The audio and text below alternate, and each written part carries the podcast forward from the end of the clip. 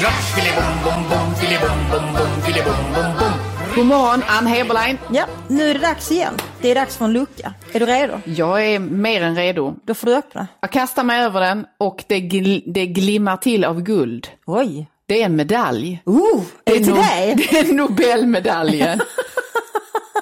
För idag är det den 10 december och eh, det är. Nobeldagen. Ja. Och vore det inte för den här pandemin så hade det varit en, en eh, pangfest i Stockholm idag. Mm. Som vi alla får lov att vara med på på sätt och vis genom tv-sändningen då. Ja.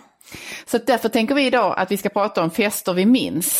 Som vi inte har varit med på men ja, vi minns dem ändå. Nobelfester vi minns och annat som är relaterat till Nobelfestligheten, tänker jag. Ja, festlighet. Festlighet. Vad minns du för Nobelfester? Eh, en eh, speciell Nobelfest jag minns är, måste jag säga, 2003. Dels för att det var året då Göran Persson satt in till kronprinsessan Victoria och talade i telefon. Eh, vilket ju är ett, eh, vilket är ett flagrant etikettsbrott. Att, Ja, det eh, och det finns en bild som är, fångar detta. Sen så kan man ju naturligtvis invända och säga statsministern skulle ju kunna vara så att han, eh, eller hon, behöver eh, eh, tala, eller göra, men då kan man sköta det snyggare. Ja, alltså vi vet att han kanske avvärjde ett kärnvapenkrig då. Ja, han höll kanske gränsen. Ja, ja visst. det är- Som Fälldin på sin var tid. en mycket viktig person. Ja, men jag minns också detta år, inte bara för den lilla detaljen, utan för att det var det året då Kotsi, heter man, ta ut, ja, precis. eh, Den sydafrikanska eh, författaren Ja, som fick eh, Nobelpriset i litteratur det Ja. året. Och han höll ett tacktal. Alla nobelpristagare håller ju ett kort tal Mm, under banketten. Och det talet var så, det lät i alla fall som att det var otroligt spontant och samtidigt väldigt genuint. För han vände sig till sina föräldrar och eh, han, jag tror att talet är ungefär så här att hans partner säger till honom, tänk så stolta dina, din mamma eller dina föräldrar skulle vara om de hade eh, varit med idag. Om de fick Ja. reda på att du hade fått det här priset. Och så resonerar han om hur väldigt mycket av det vi gör ändå handlar om att eh, göra föräldrarna stolta. Det är sant. Eh, och han uttrycker en sorg över att hans mamma inte är där. För att hon var ju då liksom Ja. närmare, hade varit närmare 100 år eller Ja. något liknande och hade eh, gått bort några år tidigare. Och så pratar han om då hur man hela tiden kommer till sina föräldrar och berättar att jag har vunnit ett pris, jag har vunnit även att det, liksom, det är Ja. i knatteligan innan dess. Ja. Men, och att föräldrarna ofta svarar, oh well that's very good, now eat your carrots, säger han då. Jo, just den formuleringen minns man ju. Ja, och att det då är, han avslutar talet med att säga att tänk så mycket, så mycket jag önskar att ni hade varit här idag och att ni hade fått dela denna dagen med mig. Så det, är liksom, det fastnade i mig för att plötsligt blev de här upphöjda personerna också så väldigt mänskliga och precis som vi. I, i, vi delar denna strävan. Oberoende av om vi är laureates Ja, men det, det eller är ej. väldigt fint uttryckt att, att någonstans så fortsätter vi hela tiden att vara barn. Ja, Även om vi är nobelpristagare också, hur gamla vi än blir, så är det mamma och pappa som vi vill göra stolta. ja, precis. Så tänker jag faktiskt ofta med min relation till Gud. Mm. Eh, för det- människor som inte tror på Gud kan ju ibland säga liksom plumpheter som Åh, det verkar så underbart att vara troende, för ni är så trygga.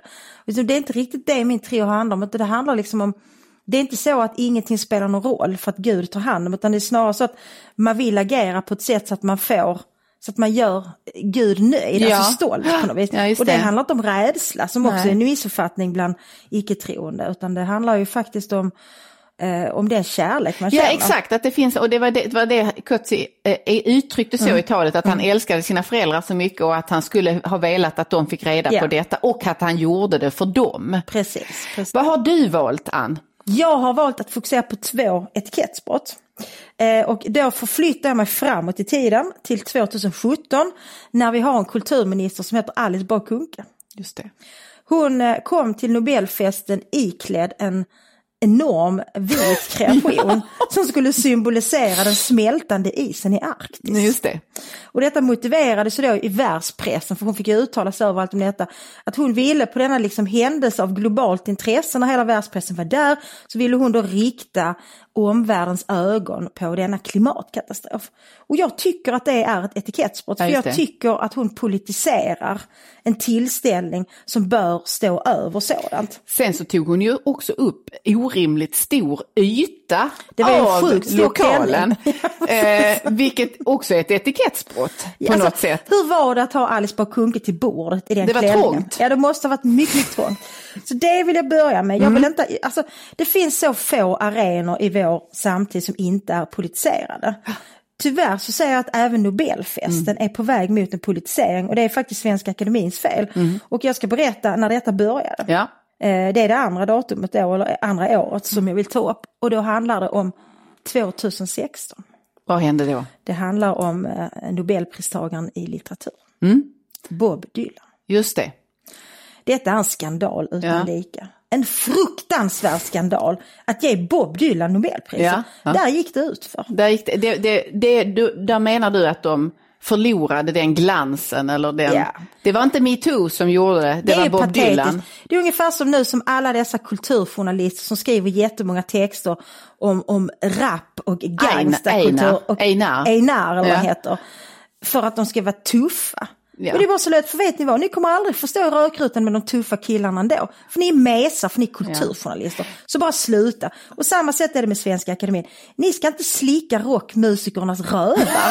ni ska läsa litteratur. Ja, men jag vill mena att det var så här, jag, då när det hände, då var det någon som trådade bak till när Kristina Lugn valdes in i akademin och där hon i en intervju uttryckte en, en vild förhoppning om att tänk om någon gång Bob Dylan skulle kunna tilldelas Då litteraturpriset. börjar det alltså redan där. Så man kan ju tänka att det kanske är så att det finns, man, eller det borde väl vara på det viset att de Ja. olika ledamöterna har sina favorit Som de, namn vart, som de vartenda, år så är det någon som säger, är det inte dags att ge Astrid Lindgren så nöter man ner kanske de andra med argumentation. Så, om, om 22 år kommer Astrid Lindgren få Nobelprisets post.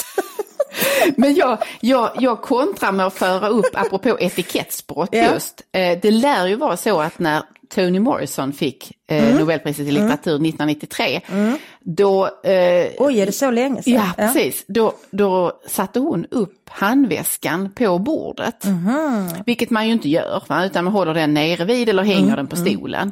Men eftersom vi har drottning Silvia som, inte- som agerar Mm. god värdinna, då gör hon det man gör i ett sånt läge. Man möter detta etikettsbrott genom att göra exakt samma sak. Därför att då är det inte längre ett etikettsbrott. Ah, eftersom drottningen gör Ja, det. så hon satte också upp sin väska. Jag kan inte, har Ja. dock inte funnit en bild på detta, men jag Nej. vet att jag har läst om det och jag tycker att det är ett utmärkt exempel på hur man ska göra som värdinna för att inte genera gästerna.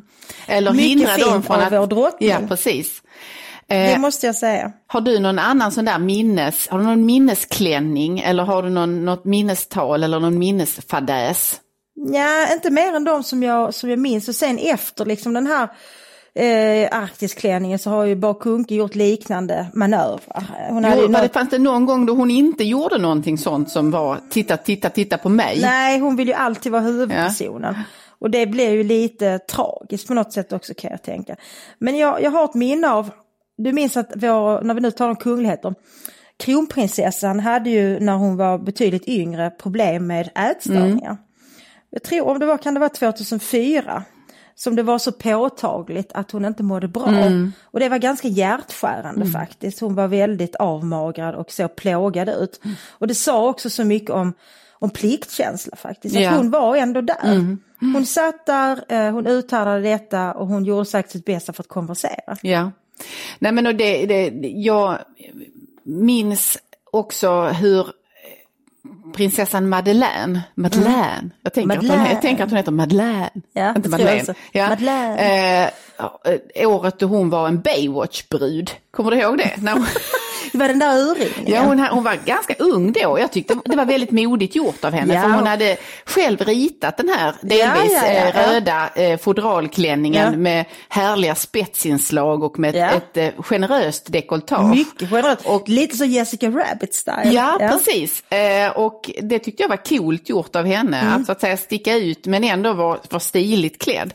Men apropå det du nämner med vad man sätter fokus på och hur mycket plats man själv tar, så Sara Danius blev ju väldigt hyllad för sina Nobelklänningar. Men Mm. där jag kan tycka faktiskt, om jag tillåter mig att vara eh, kritisk där också, där det tog överhanden efter, efter, under vägens gång Ja. och där den här avslutande klänningen som, ty, som tyvärr blev hennes sista, på Nobelfesten eh, var en stor, liksom som en kula.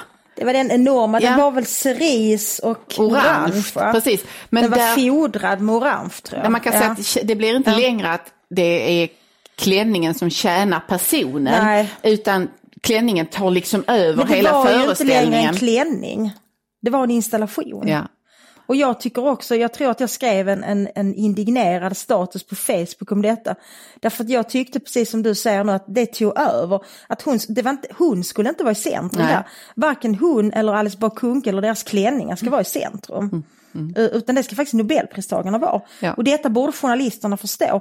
Men eftersom journalister ofta är lata och dumma så valde de att skriva om Sara Danius klänning eller Alice Bah Kuhnkes klänning snarare än att försöka förstå vad den här Nobelpristagaren i kemi egentligen har Ja. pysslat med. För det är mycket svårare. Ja. Men, men eh, vad tycker du, för det är ju alltid så att nu har vi själv nämnt här litteraturpristagarna, det är för att vi är intresserade av det och, Mm. Ja. för, och det, det ligger oss närmst på olika sätt och sådär. Men det, det finns ju alltid den skevheten i att det är Nobelpristagaren i litteratur som blir liksom den man resonerar Mm. kring eller lyfter fram när det är ofta någon som inte har pliktat med Mm. eh, decennier i ett laboratorium eller på en akademisk institution.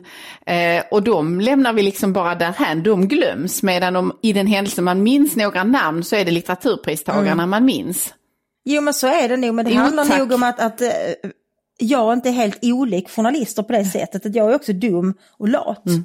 Jag förstår litteraturpriset. Eh, det är inte alltid jag, jag måste erkänna att, att årets Nobelpristagare, Abdul Razak Gurna, hade jag aldrig hört talas Mm. Jag tycker du är jätteduktig som kan uttala och har memor- Jag har inte memorerat det namnet Mm. Ja, faktiskt. men jag bor ju i Malmö, det är många sådana namn där. Ja, ja okej. Abdul Du är Razak mer eh, Gurna. kontinental. Du, Ja, ja, men det är rätt mångkulturellt i Malmö.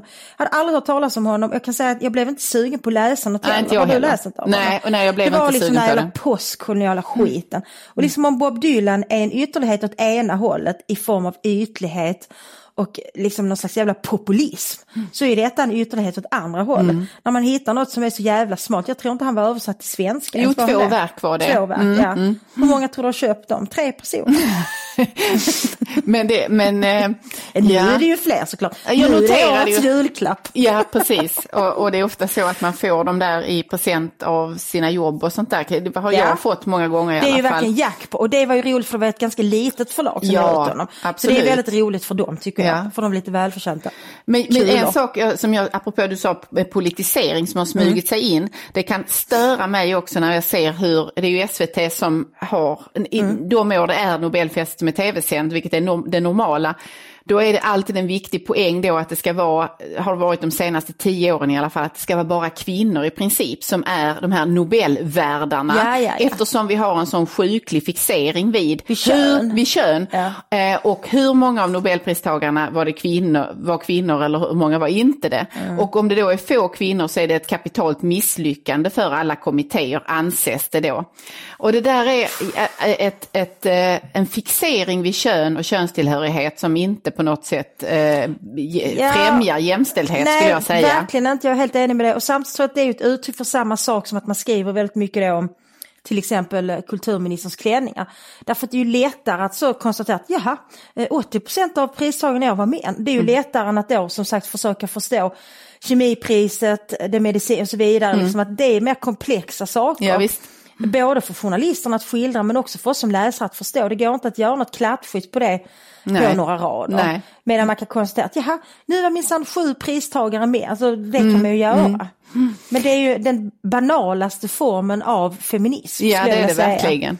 Pseudofeminism. Ja, verkligen. Det där är väl inte feminism överhuvudtaget. Men det, det som jag tycker är en fin sak som har inträffat sedan jag lämnade eh, skolans värld, eh, som elev i alla fall, det är ju att numera uppmärksammar man Nobeldagen på ett annat... Du kan inte heller minnas att någon gjorde någonting Nej. speciellt av Nobeldagen Nej, i skolan? Precis. Det där, jag minns när, när mina pojkar gick i skolan Mm. eh, och min äldste är ju 30 år nu, då var det faktiskt vid några tillfällen. att Ja, så, så tidigt ändå? Eh, men jag tror det var kanske var kan det ha varit i högstadiet? Ja, nej, för nu, numera är det så att det blir det ofta tre rätters Ja, meny precis, eh, i precis. matsalen och man gör någonting som uppmärksammar detta. Och det tycker jag, jag rackar ner på mycket i svensk skola i övrigt, men det här är en bra sak tycker jag. Det Det, tycker är jag vettigt. också. Jag tycker faktiskt det är trevligt.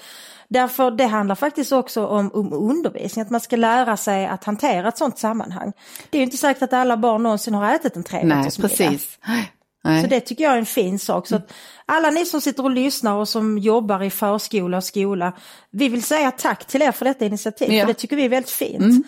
Eh, väldigt liksom... Och man dukar långbord, vet jag när barnen Ja. gick i förskolan, man dukade långbord och sen så ombads Barnen om- klär sig ja, fint. klär sig lite fint Ja. och så. Och det är en mycket viktig fostrande och socialt danande Mm. uppgift som skolan och förskolorna gör där, som eh, vi är mycket positiva till. Mm. Och sen till eh, Svenska Akademin, alltså ge inte till fler sådana här Bob Dylan-typer. Jag bara väntar på att någon rapartist ska få Jag nästa väntar på år. att du ska få det. Du får nog vänta länge. Men du kanske kan bli bjuden. jag kanske kan bli bjuden. Jag kanske Var kan... du på Nobelfesten som student någon gång? Nej det var jag inte. Nej. Det var jag inte. Men jag kanske kan göra något eh, experiment, något kemiskt. Ja, vi kan blanda hårfärg. kan man få Nobelpris i kemi för att hitta en blonderingsmetod som sliter mindre Ja. på håret. Ja, det behöver jag- både du och jag. Vet du vem jag tycker ska få Nobelpriset Nej. i medicin? Den som uppfann samarin. För det är en är mycket bra Det är sak. mycket bra. Samarin, alltså det är faktiskt oöverträffat. Det kanske låter lite daterat men det funkar. Det fun- man kan, Men man kan också höja dosen väldigt effektivt. Det var att ta en så, ett kuvert till. Men jag tänkte innan vi avslutar Mm. detta så vill jag, för, alltså jag vet inte, det är väldigt svårt att fråga dig så vem tycker du ska få Nobelpris i kemi eller ekonomi.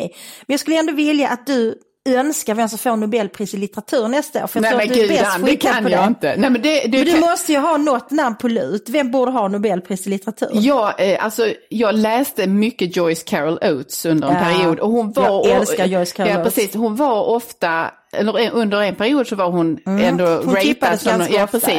ja. Eh, på senare tid har jag inte sett det på, på att hon kommer upp. Men det är liksom en författ, ett författarnamn jag verkligen skulle tycka var förtjänt av en sån utmärkelse. Precis, Mm. av lite samma skäl som jag tror att man ville lyfta fram Bob Dylan ändå, för det fanns ju ändå poäng i detta naturligtvis. Och det är att George Carl Oates är en väldigt lättillgänglig författare som ändå angriper en Mm. Men också en stor berättare, en stor alltså, jag, hennes bok om Marilyn Monroe, Blond, är något av det bästa jag har läst. Jag håller med dig. Men jag Mm. tror det som talar emot henne är det att hon är för produktiv. Alltså hon producerar ju enormt mycket böcker och det gör att hon är ganska ojämn. Mm. Så en del av, för jag, jag tror jag har läst nästan allt, jag har varit helt fanatisk Joyce Carol Oates författare. Den jag skulle vilja se som Nobelpristagare helst redan nästa år det är Michel Houellebecqs. Det finns det finns ingen som är bättre på att skildra det samtida Europa än Michel Houellebecq just nu. Och detta bör faktiskt uppmärksammas, Uppmärksammas, och ja. belönas.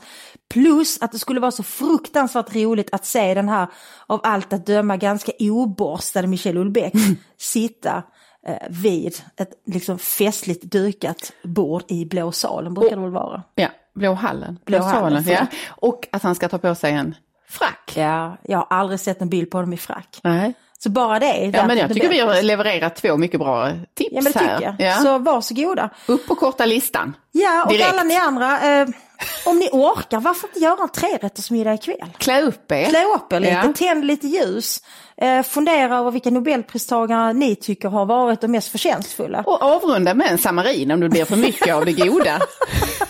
Det tycker jag låter som ett bra tips. Hörni, tack för eh, den här stunden. Vi hörs imorgon bitti. Det gör vi. Hej då.